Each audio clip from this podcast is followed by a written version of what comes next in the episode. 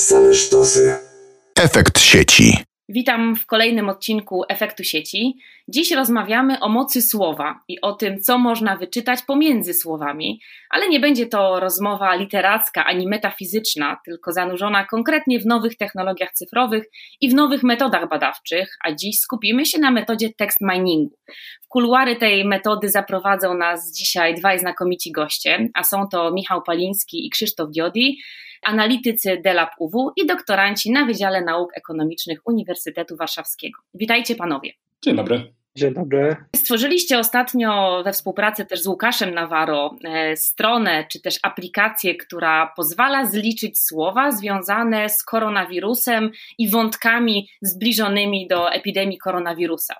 Nazwaliście to wyjściem pewnym z infodemii, czyli takiej właśnie pandemii słownej, czy też pandemii informacji, która zalewa nas w dobie kryzysu koronawirusowego.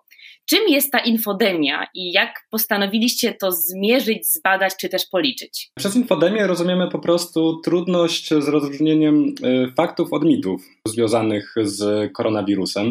Staramy się w tym gąszczu jakoś y, poruszać, wykorzystując znane nam y, techniki my w swojej pracy codziennej używamy text miningu, tak jak wspomniałeś na początku, który pozwala nam poruszać się w gąszczu informacji i z tych informacji destylować wiedzę. W walce z tą infodemią bardzo ważne są, e, bardzo ważną rolę odgrywają takie instytucje e, zaufania publicznego jak WHO, które starają się jakoś walczyć z różnymi fake newsami, jakie narastają wokół, wokół tej pandemii.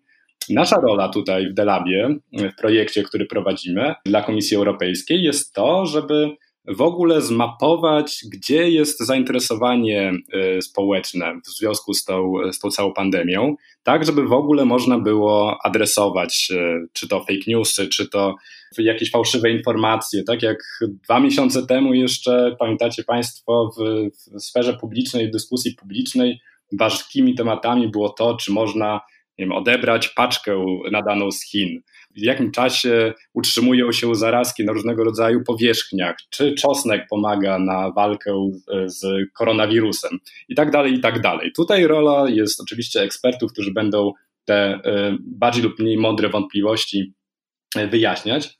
Jednak my w Delabie musimy w ogóle pokazać tak, gdzie, gdzie rośnie, gdzie jest, gdzie jest zainteresowanie społeczne, gdzie ludzie kanalizują swoje, swoje zainteresowanie w związku z koronawirusem oraz technologiami, które być może będą pomagać w walce z tą pandemią. Jak mówiłeś e, o tych modach na hasła, które były wyszukiwane w internecie na początku, to przypomniałam sobie też walkę o różne produkty użyteczności codziennej, o papier toaletowy i różne e, artykuły spożywcze, po które jeździliśmy na drugi koniec miasta, żeby je zdobyć. I faktycznie to pewnie odzwierciedlało nastroje społeczne, ale mam pytanie o to, jak to konkretnie badać. To znaczy, wiemy, że coś się dzieje, wiemy, że o czymś się mówi, ale tak bardziej wiemy niż umiemy to policzyć. Na czym polega ta metoda, że jesteście w stanie zmierzyć, policzyć i wypluć z siebie wskaźniki, które mówią o zainteresowaniu większym czy też mniejszym e, danymi tematami? Więc skupialiśmy się na, e, na rzetelne źródła, które też są regularnie odświeżane. I e, po pierwsze patrzyliśmy na wiadomości internetowe e, na portalach technologicznych oraz również ze świata polityki, czyli zbieraliśmy artykuły od początku roku e, z takich portali jak Ars Technica, TechCrunch, The Verge, z świata polityki, na przykład z Politico, Euractiv, i te portale regularnie e, publikują wiadomości ze styku techno, świata technologii i polityki. E, I mając e, taką dużą bazę danych, mogliśmy obserwować, w jaki sposób zmienia się dyskusja, które słowo występują coraz częściej w czasie, jak ta częstotliwość słów się zmienia. I w taki sposób bardzo naturalny wyłaniały się nam najważniejsze tematy, najgorętsze dyskusje wokół koronawirusa.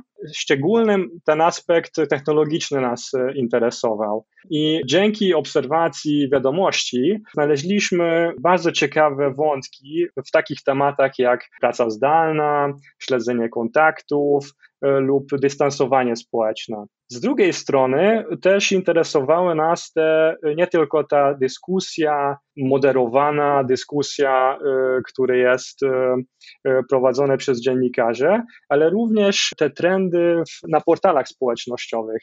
I tutaj naszym głównym źródłem danych był portal Reddit, który jest e, bardzo popularny wśród e, e, właśnie użytkowników interesujących się technologiami. I jeszcze mieliśmy również dwa duże zbiory danych. Po pierwsze, badania naukowe, czyli to były artykuły jeszcze przed publikacją lub po publikacji. I czwarte, to były projekty open source'owe opublikowane na portali GitHub, gdzie użytkownicy publikują własne projekty i własne rozwiązania, y, często służące do walki z koronawirusem. No właśnie, bo te informacje, o których mówisz, to z jednej strony są treści dziennikarskie, które są dostarczane przez różne mniej lub bardziej wiarygodne portale, ale z drugiej strony rozkwitła też produkcja tekstów naukowych czy też paranaukowych, orientujących się wokół pandemii koronawirusa, snujących e, różne tezy, niektóre spiskowe teorie dziejów. Czy tutaj też dało się zauważyć taką gwałtowną modę na, na wątki związane e, z chorobą COVID? Czy jakieś trendy w tym świecie naukowym udało Wam się zaobserwować? Tak, bez wątpienia. Pojawiły się tysiące artykułów e, w repozytoriach takich jak właśnie Archive czy SSRN dotyczących koronawirusa.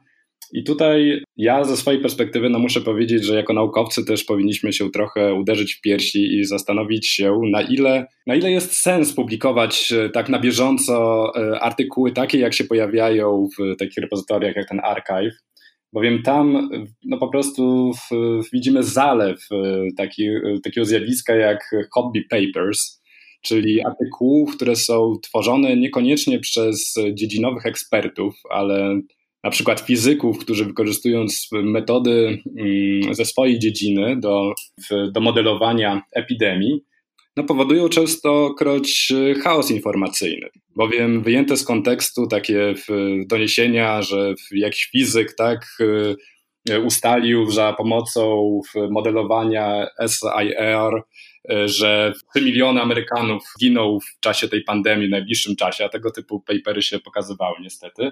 No, to jest no, w moim odczuciu przynajmniej dość e, niepoważne bądź e, społecznie no, nieużyteczne zdecydowanie. To zjawisko, z którym mamy do czynienia, no, to nie jest jakieś no nie wiem, nowa, e, jakieś nowe zjawisko fizyczne, z którym zupełnie nie wiemy, jak, jak walczyć, no tylko zjawisko z konkretnej dziedziny, jako jest epidemiologia, która ma wypracowane różne metody. I takie hobbystyczne publikowanie ad hoc, rzucanie tak bez jeszcze, bo powiedzmy sobie jeszcze jasno, że to są w dużej mierze artykuły, które nie zostały poddane procedurze peer review, czyli mhm. ocenie, e, ocenie recenzentów, tylko są tak, w repozytoriach tak zwanych working paperów no nie jest to, częstokroć prowadzi to do większego chaosu niż do wytłumaczenia tego e, całego zjawiska. Wracając jeszcze do całej procedury badawczej, bo rozmawiacie tutaj o, o, różnych zasobach danych, które analizujecie, czy to są dane naukowe, czy to są repozytoria tekstów badawczych, mniej lub bardziej recenzowanych. Skąd się bierze takie duże korpusy danych, które można w text miningu analizować? Czy to są dane płatne, czy to są dane open source'owe, do których każdy ze słuchaczy, każdy z nas y, może mieć dostęp? Skąd czerpiecie informacje na temat tych artykułów i tych tekstów, które analizujecie? Tak, głównie korzystaliśmy z metody, która nazywa się web scraping. I web scraping to jest e, automatyczne pobieranie treści ze stron internetowych, e, czyli na przykład e, możemy stworzyć taki skrypt, który pobiera teksty również z metadanymi e, dotyczący e, wszystkich artykułów e, z danego okresu. I to rozwiązanie ma, ma taką zaletę, że całkowicie możemy kontrolować właśnie jakie artykuły nas interesują, z jakiego okresu czasowego i bardzo często skorzystamy z, z tej metody. A z drugiej strony są też znacznie łatwiejsze albo wygodniejsze rozwiązania, szczególnie kiedy jakaś baza danych e, udostępnia swoje, swoje dane nie tylko poprzez przeglądarki, ale również e, poprzez e, dostępu API. I tutaj, jeżeli baza danych ma takie rozwiązanie, to w bardzo wygodny sposób możemy pobrać, pobrać dane, chociażby na przykład z repozytoriów badań naukowych albo working paperów. Tak, właśnie, bo zapytałaś, czy te dane są płatne, czy mm, bezpłatne. I to, e, co obserwujemy podczas tej pandemii, to mm, wzrost znaczenia czegoś, co się nazywa open science, tak? czyli otwartej nauki, gdzie artykuły nie są schowane za paywallem, ale są dostępne dla badaczy, czy też e, badaczy hobbystycznych. I e, no widzimy, to jest akurat tak pozytywny aspekt tej całej pandemii, to to, że mamy coraz lepszy dostęp do baz artykułów w wolnym dostępie, na przykład, e, jakbyście Państwo chcieli e, poanalizować sobie takie artykuły, no to na platformie Kaggle są udostępnione e, w, w wszystkie artykuły, które są związane i z wcześniejszymi koronawirusami, i tymi, które i tym, który teraz panuje na świecie. Ale rozumiem, że te analizy, o których mówicie, to bazują też na różnego typu danych, które są dostępne po prostu powszechne, na przykład dane statystyczne, które są gromadzone przez e, rozmaite ośrodki upoważnione też do zbierania takich danych. No i akurat przy każdym dowolnym temacie to te dane są, powiedziałabym, bezemocjonalne. Natomiast jeżeli mówimy o pandemii koronawirusa, jeżeli mówimy o e, pe pewnej sytuacji krytycznej, w której społeczeństwo się znajduje, no to bazujemy na bardzo delikatnych danych, na przykład dotyczących liczby zachorowań, czy też e, liczby zgonów chociażby. Czy to jest, powiedziałabym, uprawnione żeby te dane sobie zupełnie dowolnie analizować i w zupełnie dowolnej formie produkować teksty na ten temat. Jak czujecie, czy to, to są jakieś szczególne dane w Waszym przekonaniu, czy ta, traktujemy je tak samo jak każde inne, które są dostępne w przestrzeni publicznej? Poruszyłaś bardzo ciekawe zagadnienie. Ja muszę przyznać, że mam z tym pewien problem. Szczególnie jeśli chodzi o takie analizy w duchu data science, które się na e, portalu GitHub. E, tam e, żeśmy zmapowali bardzo dużo projektów, które zajmują się koronawirusem. I no, mój problem polega na tym, że mam wrażenie, że jest coraz więcej takich projektów, w których po prostu ludzie uczą się programować, czy uczą się tego data science, analizy danych przy użyciu tych, tych zbiorów, które dotyczą no właśnie tak wrażliwych kwestii, no jak osoby zainfekowane, czy też zgonów w poszczególnych krajach. Trzeba przyznać, że to są bardzo wdzięczne dane, jeśli chodzi o analizę, tak? bo to są dane, które są na poziomie bardzo regionalnym czy granularnym.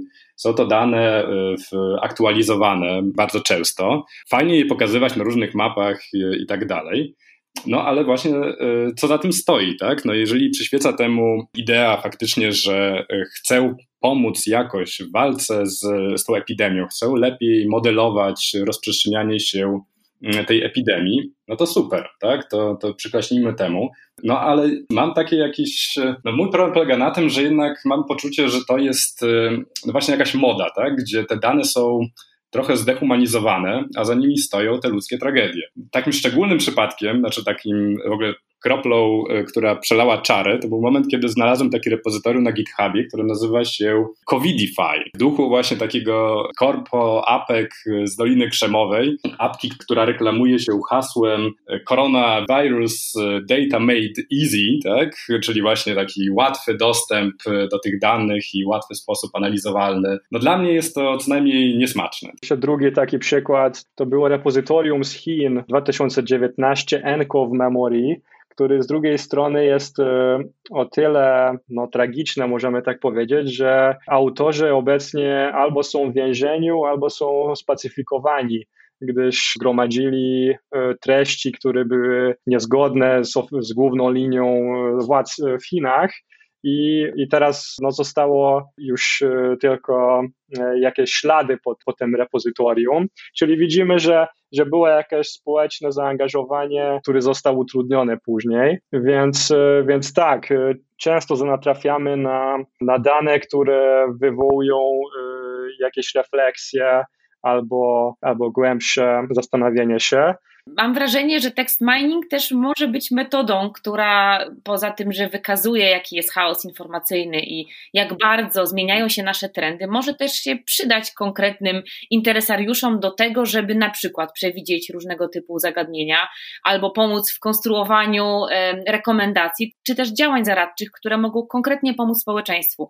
W jakich aspektach można wykorzystać text mining jako pewną pomoc, na przykład w projektowaniu działań czy też zapobieganiu rozszerzania się pandemii? Po pierwsze, nasze narzędzia są bardzo użyteczne w mapowaniu problemów społecznych, technologicznych, czyli żeby decydenci mieli taki bardzo prostą mapę, która zawiera te najważniejsze, najważniejsze problemy. A z drugiej strony też e, czasami jesteśmy w stanie pokazywać jakieś, jakieś większe trendy, które nie zawsze są widoczne. I e, tutaj e, na naszym stronie dobrym przykładem są nasze podsumowanie do dyskusji na platformie Reddit, czyli na przykład pokazujemy, jaki był gwałtowny wzrost w komentarzach, które zawierają słowo bezrobocie albo są ogólnie na, na temat utraty pracy. I, e, I na tym wykresie na przykład widać ten dramatyczny wzrost komentarzy, ale również te, te różne aspekty tej dyskusji wokół rynku pracy. Tak, e, ściśle powiązana e, dyskusja z tą dyskusją o bezrobociu to jest dyskusja o automatyzacji pracy i lękami przed utratą pracy właśnie ściśle w powiązaniu z rozwojem technologii. E, to jest dyskusja, która e, toczyła się na długo przed, e, przed samą pandemią, ale widzimy, że wraz z lockdownem gospodarczym ludzie na całym świecie coraz bardziej obawiają się, że to technologia ich zastąpi. Tak? Widzimy, że, że technologia pozwala nam zdalnie pracować z domu. Widzimy, że jest coraz bardziej gotowa tak, do tego, żeby nie tylko nam, nas wspierać w, w pracy zdalnej, ale być może też nas zastępować w niej. Te lęki, oprócz lęków związanych z, z utratą pracy, widzimy w ogóle e, coraz e, e, gwałtowniejszy wysyp dyskusji dotyczących w ogóle stanu zdrowia psychicznego. Na Reddicie w kanale nazwanym Anxiety, tak związanym z lękiem, widzimy tam duży wzrost e, aktywności. Także e, takie wykrywanie trendów, takich negatywnych trendów, jak my teraz, e, o których teraz powiedzieliśmy, no może pomagać tak w zarządzaniu, zarządzaniu całym tym lockdownem, z jakim, z jakim mamy do czynienia. My jesteśmy w stanie dzięki nas, tym naszym narzędziom text miningowym pokazywać, jakie emocje są związane z różnymi działaniami rządów, tak? Czy to odnośnie noszenia maseczek, różnych środków zaradczych, czy na ile gwałtowna jest dyskusja dotycząca luzowania tych obostrzeń, czy też e, samych protestów w różnych krajach, też e, w różnym czasie. Tak podsumowując, tak jak wspomnieliśmy na początku, chodzi nam o to, żeby destylować te wszystkie informacje, które się nagromadziły wokół COVID-u, destylować z nich pewnego rodzaju wiedzę, syntetyzować za pomocą prostych wykresów, prostych metod text miningowych, ale też z drugiej strony te nasze narzędzie może wspomagać e, polityków w tym, żeby zobaczyć, jaki jest odzew społeczny na różnego rodzaju obostrzenia, jakie są stosowane w związku z tą pandemią. Czyli możemy prześledzić, jak, wygląda, e, jak wyglądają emocje społeczne w stosunku do noszenia maseczek, czy w ogóle do samego lockdownu, pracy zdalnej, komunikowania się za pośrednictwem e, komunikatorów internetowych różnej maści, czy też problemów powiązanych z tymi komunikatorami, e, problemu z prywatnością, z kontakt tracingiem, śledzeniem kontaktów e, za pomocą smartfonów, e, czyli możemy zobaczyć, jak wygląda społeczny odbiór różnego rodzaju mechanizmów zaradczych w stosunku do, do tej pandemii. I to jest ta użyteczność społeczna, jaką, jaką widzimy w tym narzędziu. Jak tak Was słucham, to przypomina mi się myśl XIX-wiecznego socjologa Augusta Comte, który mówił, żeby badać i mierzyć, by przewidywać. I mam wrażenie, że ta jego ponad stuletnia myśl jest wciąż dzisiaj aktualna i kolejne metody, które stosujemy, jak chociażby text mining, przybliżają nas do tego, żeby więcej rozumieć i może trafniej przewidywać to, co czeka nas w przyszłości. A wszystkich zainteresowanych badaniami, o których mówili dzisiaj e, nasi goście. Zapraszamy na stronę Delabu, na stronie w zakładce blog e, znajdziecie właśnie tę aplikację, o której dzisiaj rozmawialiśmy i więcej danych, o których nie zdążyliśmy e, nawet wspomnieć. Naszymi gośćmi byli dzisiaj analitycy Delabu Michał Paliński i Krzysztof Diodi, doktoranci na Wydziale Nauk Ekonomicznych. Panowie, bardzo dziękuję Wam za tę rozmowę. Myślę, że rzuciliście zupełnie nowe światło na naszą wiedzę o o tym, jak badać i mierzyć też e, emocje w społeczeństwie i to, co ludzie mówią i jak myślą i jak reagują na rozmaite procesy, które akurat tutaj w kontekście koronawirusa, ale w każdym innym kontekście dzieją się na naszych oczach. Także pięknie dziękujemy za tę rozmowę. Dzięki wielkie. Dziękujemy bardzo. Efekt sieci. Radio